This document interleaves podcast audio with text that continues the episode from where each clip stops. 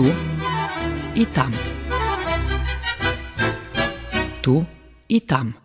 Emisija o Rusnacoch, ktorí žijú vonka zo Srbiji, ich prešlim i buducim živoce, aktualnih zbuvanjoh i medzisobnih kontaktoh. Tu i tam.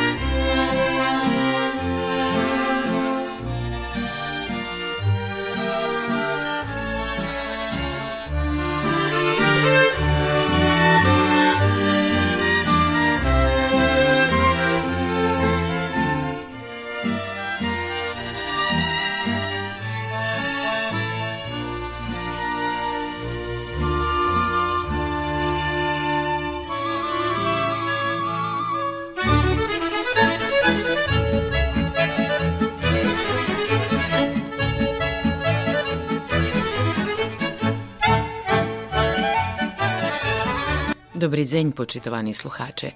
U njuškajše emisiji pred velikonočnima švetami učuje cerosarku za spanocom Vladimirom Medelinskim i Kolkom, parohom u Berkasove u Srime. Slave su Hristu, svim sluhateljom vašej radio emisiji. Um... Odvid na pitanje, posle, evo teraz už već 15 rokov, jak sam pošao z domu do Zagrebu, Ta velika, veliki kročaj za toho minje, tedišnjoho, pretože som pošol zo jednoho našho ruského valalu do Zagrebu, jedno také veľké mesto, sigurno menšie ako náš Beograd, ale veľké iskustvo stretnutia s takým varošom, okreme, že bar malo máš náhodu koho upoznať. I treba še uklopiť do jednoho štretku, ktorý, evo, kus inšaky. Međutim, oljehčujuća okolnost za uh, nas, jak bohoslovov, to toto, že máme, jedno, pri, máme jeden príjemný, príjemný center, uh, do ktorého sme ešte schodzeli, to seminárija svetého Čirila i Metodija, Kirila i Metodija, kde sme boli zmestení od praktično peršoho dňa prichodu do Zagrebu. Uh, i oljehčujuća okolnost práve toto, že máš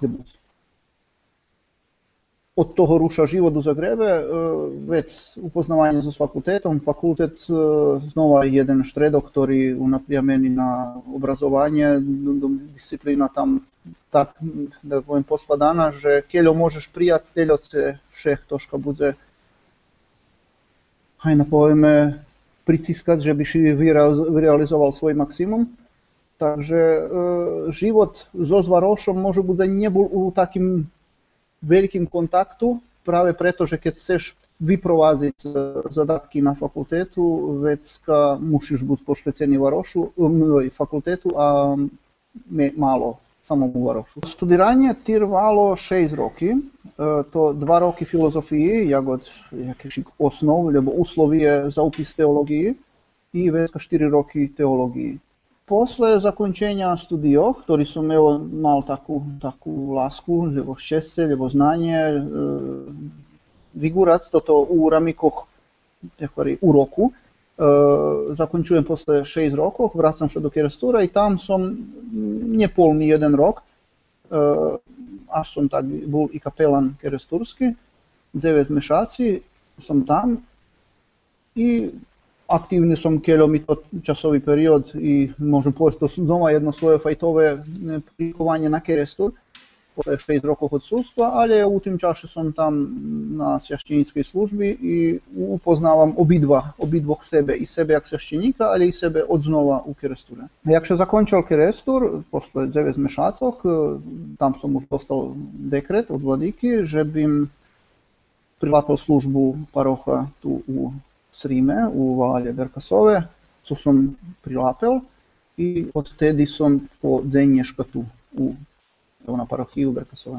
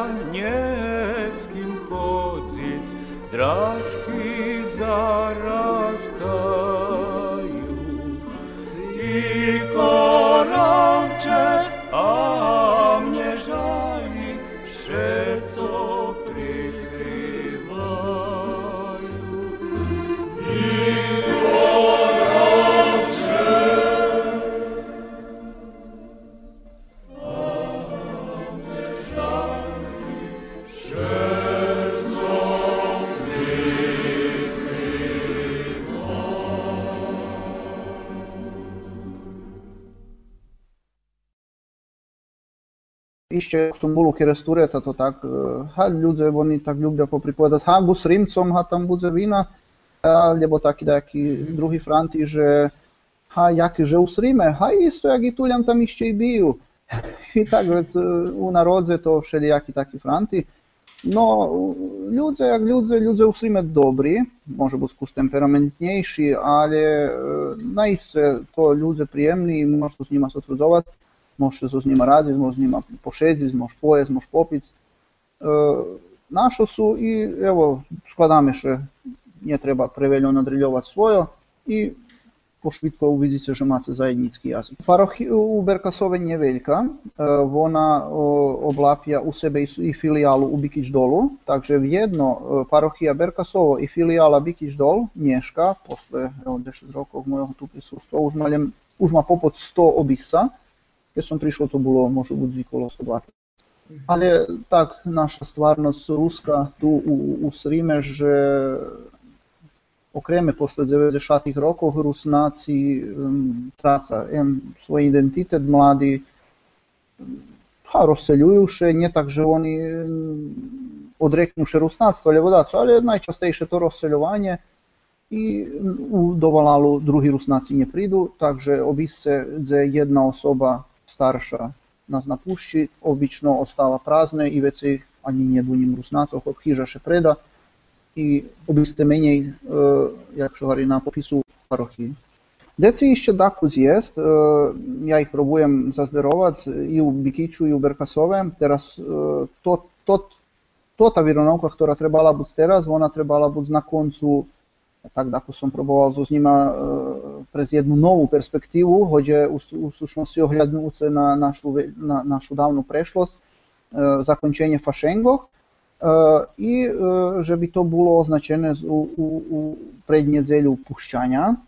Isto jeden taký výraz, ktorý už zabudí, a to ostatnia nedzeľa, pred, lebo syropustná nedzeľa, pred počiatkom veľkohodnostného postu.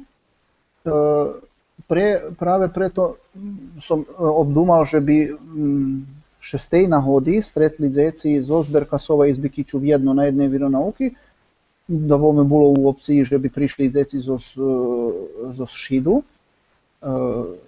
že bi sme vjedno napravili coška, co kušći nando in čak, jak to sme potera zorganizovali vjeronauku. No, було туди якісь змісти, але його баш тераз тото, що случує з корону, зопарло тот наш, тот мій проект – mini projekt, takže više to tizeci sretli, videli i posluhali dakle, o, o tej našej dawnej prešlosti. No, ja probujem pierwszą nahodu. Hoć to bude i u postu, nie že še szedzieci zidu, treba chociaż dachu stak na jeden odrezeni sposób, dać im nahodu i na taki sposób podumać o sebe, bo mieszka dzieci uglavnom patra na to tu novu stvarnost, elektronsku, telefoni, interneti, toto ih barže i podsahuje povahu, a to dohľadnúce na toto našu dávnu prešlosť, evo to bolo i hoľom uramikoh vironauky, taký jak od jeden, jedna, jedna okremná hodzina vironauky popatrunov na našu dávnu, môžu byť až takú môžu pohanskú prešlosť, bo sami fašengi nie na telo hristijanski, na, na telo postali hristijanski. Fašengi mi nješka pozname, lebo už sme i na toto zabuli, jak od jeden časový period pomedzi, po, pomedzi kračunski ciklus švetog zakončuje s bohojavljenjem, zakončuje še bohojavljenje i poči, počina jedan šljebodni period u smislu cerkva prepoznala tot period, mi zname z davnih časov, že ha pobrali še u fašengoch, a pobrali še kedy. Co to znači fašengi? Fašengi je jeden, hovorím, časový period, ktorý e, samú názvu caha z nemeckého poňaca je dva tolkovania, ktorí ho navolujú, lebo na švitko, u smislu jedzme na švitko, bo počína krač, veľkonocný post. E, u tým mi nahlášajú, znači u jednej, u jednej nitky to tí jarní karnevali, lebo u chorvátskej poklade, e, ktorý obyčaj pri nás nie očúvaný, ale očúvaný tot period, jak od nazva Fašengoch, kde še našo starší da kedy vinčali u Fašengoch.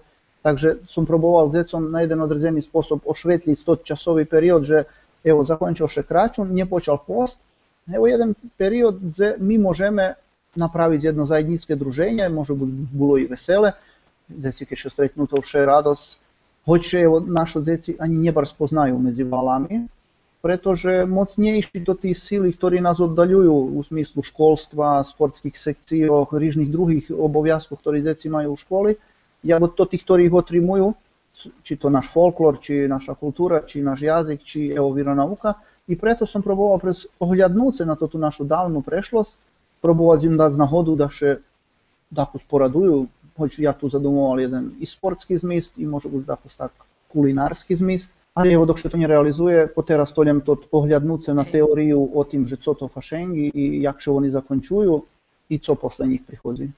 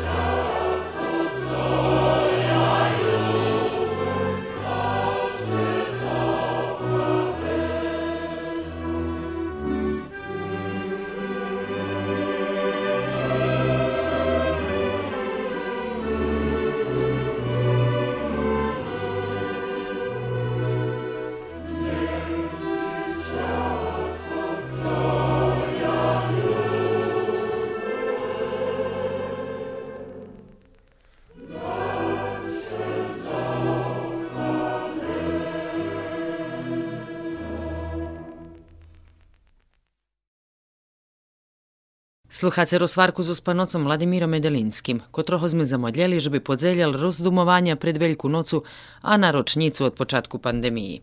Jedna od važnih stvarov je dohadnući na toto, že i prešli rok bol rok, keď sme še prši raz stretli, možu byť s jedným takým zjavenjom, jaké sme nemali, a to korona, prešloho roku, týž pred Veľkú nocu, sme vošli do jednoho periodu, kde sme mali toto tak volanú policijnú hodzinu, kde sme boli zaveraní do kvarteľov, do obiscov, kde še nešmelo vychodziť, bo ešte nebolo do kraja rozjašnjené, jaký úroveň opasnosti. I może być nam to otwiera jeden popatrunek na to, że kiedy my, jak ludzie, u jakich obstawinach żyjemy, gdzie się ruszamy, kiedy nam weźmie jedną taką małą czas, jakby to, to, to ta szleboda, rušanja widzimy, że co sme stracili. U tym smislu jest tu więcej temy, już otwierają. Może możemy patrzeć na to, to rozmowę o tym, że ślewoda, którą mamy, próbować widzieć, jak ją odczuwać.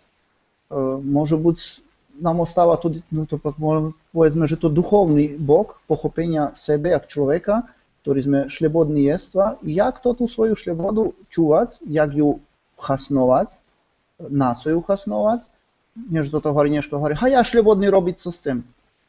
А не будує шицько, що ти chcesz робити. Будує да, co, co це в'яже з другими людьми. Може буде зараз то ті околності нам найбільше указують, що як ми трацимо свої контакти з другими людьми, kiedy nie mamy nachodu używo się stretnić. Czujemy się mi przy telefonach, czujemy się przy drużnych mreżach i nie taki jesteśmy aż asocjalni, jak co się może być duma, але завжди тут живий людський контакт, то то, чому ще треба мене здавати, і це би нас треба духовно збагацувати, коли ми з другою особою.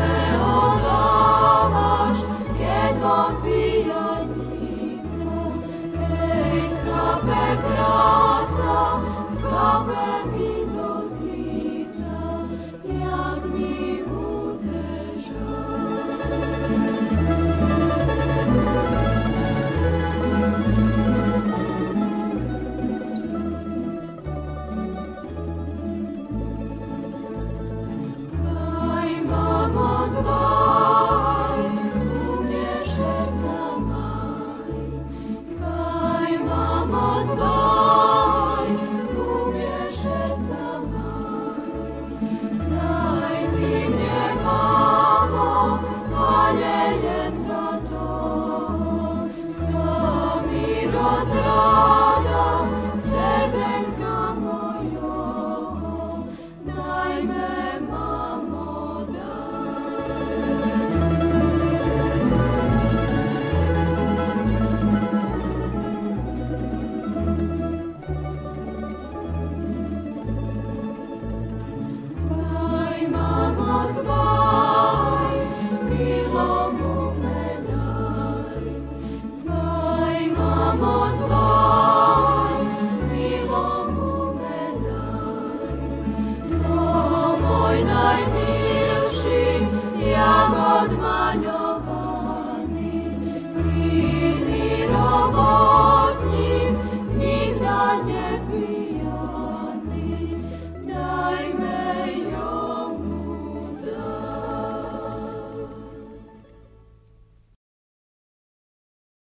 Posluchajce i prilog, kotri dostavame u Čeranki zo z internet radijom Rusin FM zo Sprešova.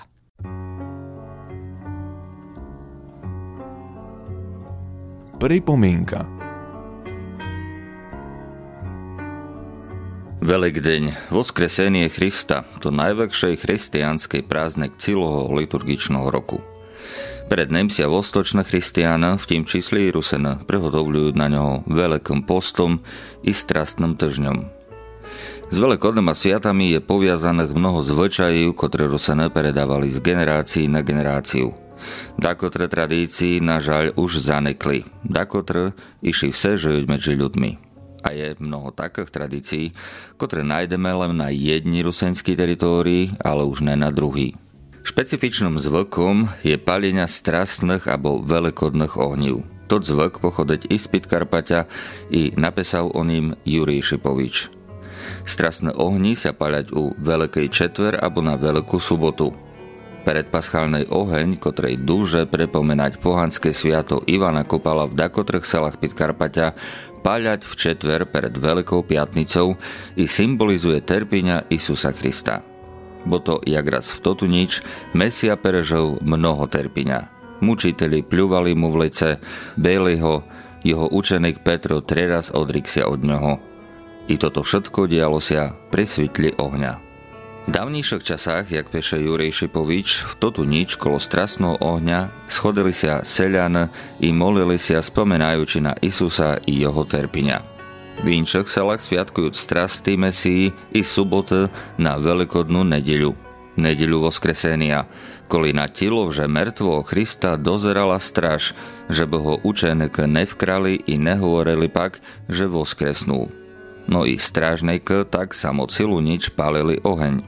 Subotný oheň dostá odrizňať sa od toho, kotrej pálecia u četver. V dakotrch regiónach legini beli klepalo, čím imitovali prebevania Krista na krest. Sviatej subotnej oheň palili takoj po západí slnca. Jak peše Jurij Šipovič, napríklad u západní časti Pitkarpaťa, u východní časti tot obyčaj majže neisnuje, cerkovnek venosev všetko smyť aj z cerkve i pitpaľoval ho. Potím, že schodili sa molode ľude i prenosili i sobou drva alebo što z inče do ohňa. Oheň palili kolo cerkve, na cinteri alebo dez na vyššie položení misci, že by bolo oheň vidieť zdaleka. U sovietské čase tradícia strastných ohnív častočno propala na Pitkarpaťu i stratila svý pervisný cíľ. Obernú sa to zvyčaj na protest proti ateističnej politike vlastej alebo na extremističné avantúre pro molodež. Pušťali napríklad horiači gumovo kolesa i z vašich míst na policajtiu posmilené palinkou. Strastné ohni napriek tomu, jak rusenskej obyčaj prežili do dnešných časív. S tým, že dnes, na rozdiel od sovietských časív, z boku vlastej nepresliduje sa to tá tradícia. Rusene majú počas celého roku svoji tradícii, mnohoraz unikátne, ktoré nenajdeme u inších narodív, ani tých najbližších, kolo ktorých sme žili i žejeme tisíc rokov.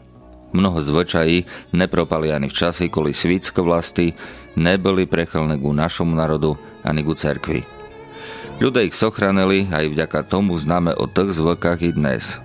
Majme nádej, že ani dnešná generácia Ruseniv nedozvoliť, že by šumné, špecifičné zvyky, ktoré náležia do našej kultúre, propali, ale bude ich predávať i tále, že by o toto čas našoj nemateriálnej didovezne neprešli generácii Ruseniv po nás.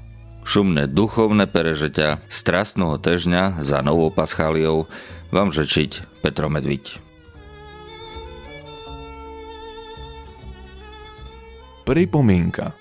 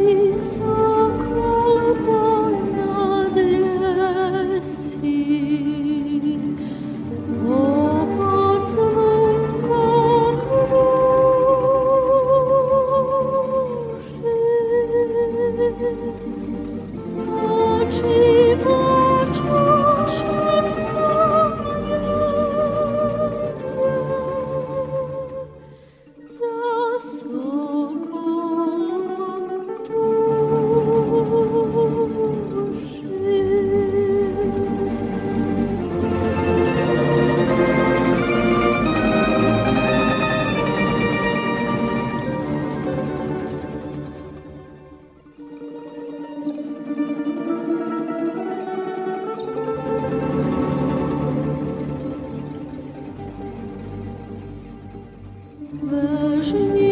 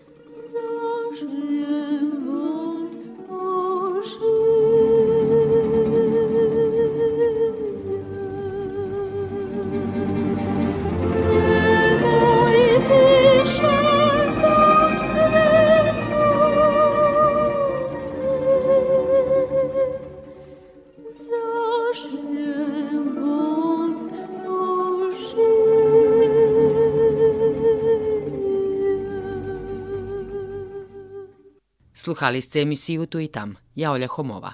Do posluhanja.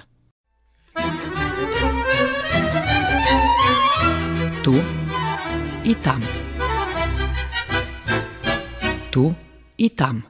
Emisija o Rusnacoh, ktorí žijú vonka zo Srbiji, ich prešlim i buducim živoce, aktualnih zbuvanjoh i medzisobnih kontaktoh. Tu i tam.